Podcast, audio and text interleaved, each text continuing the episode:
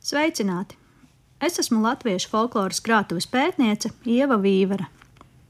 Vai zini, kur glabājas Lucavas salas vēsture?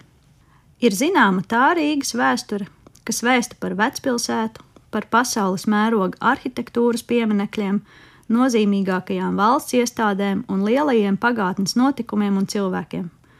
Taču galvaspilsētas dzīvo vēsturi veido arī katrs tās iedzīvotājs, viņa pieredze un atmiņas.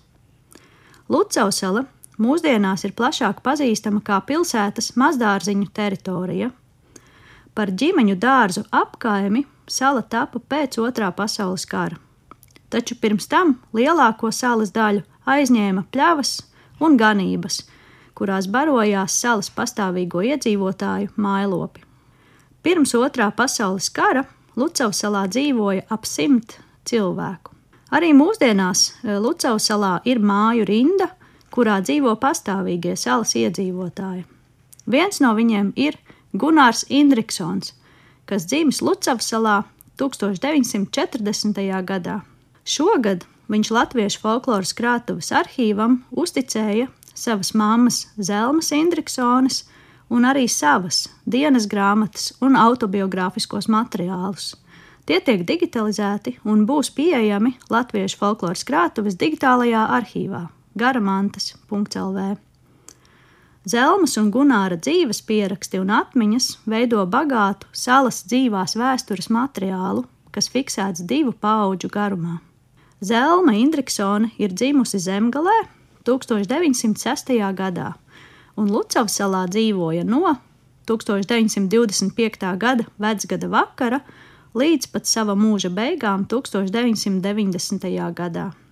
Gunāra tēvs Augusts Indriksons ir dzimis Katlakalnā, apmēram 5 km no salas, un jau kopš 20. gadiem strādāja uz ūdens par ēnkurnieku un koku pludinātāju. Gandrīz visa Augusta un Zelmas ģimenes un darba dzīve noritēja Lucavsalā vai uz ūdeņiem.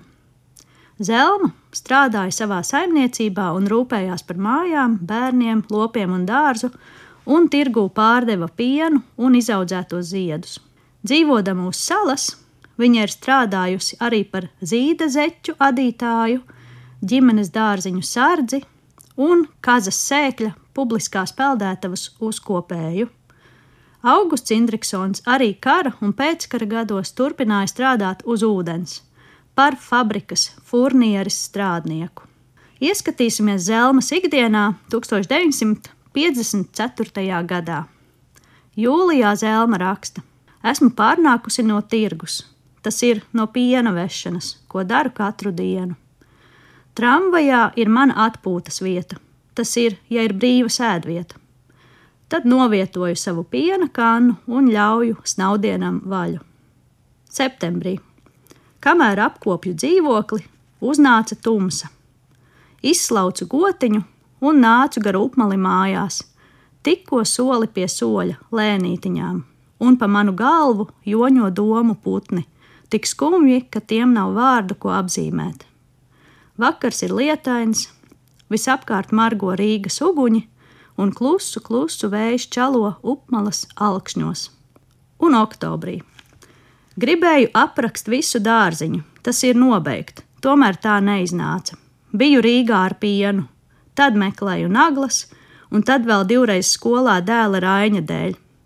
Noņēmu sešus grozus kartupeļu un melna nakts klāt. Zelmas dienas grāmatas atklāja gan Indriksonu un citu Rīgas salas iedzīvotāju ikdienas gaitas un notikumus, gan Zelmas ikdienas dzīves geogrāfiju, dabas vērojumus, pārdzīvojumus un pārdomas par dzīvi un saimniekošanu padomju realitātē.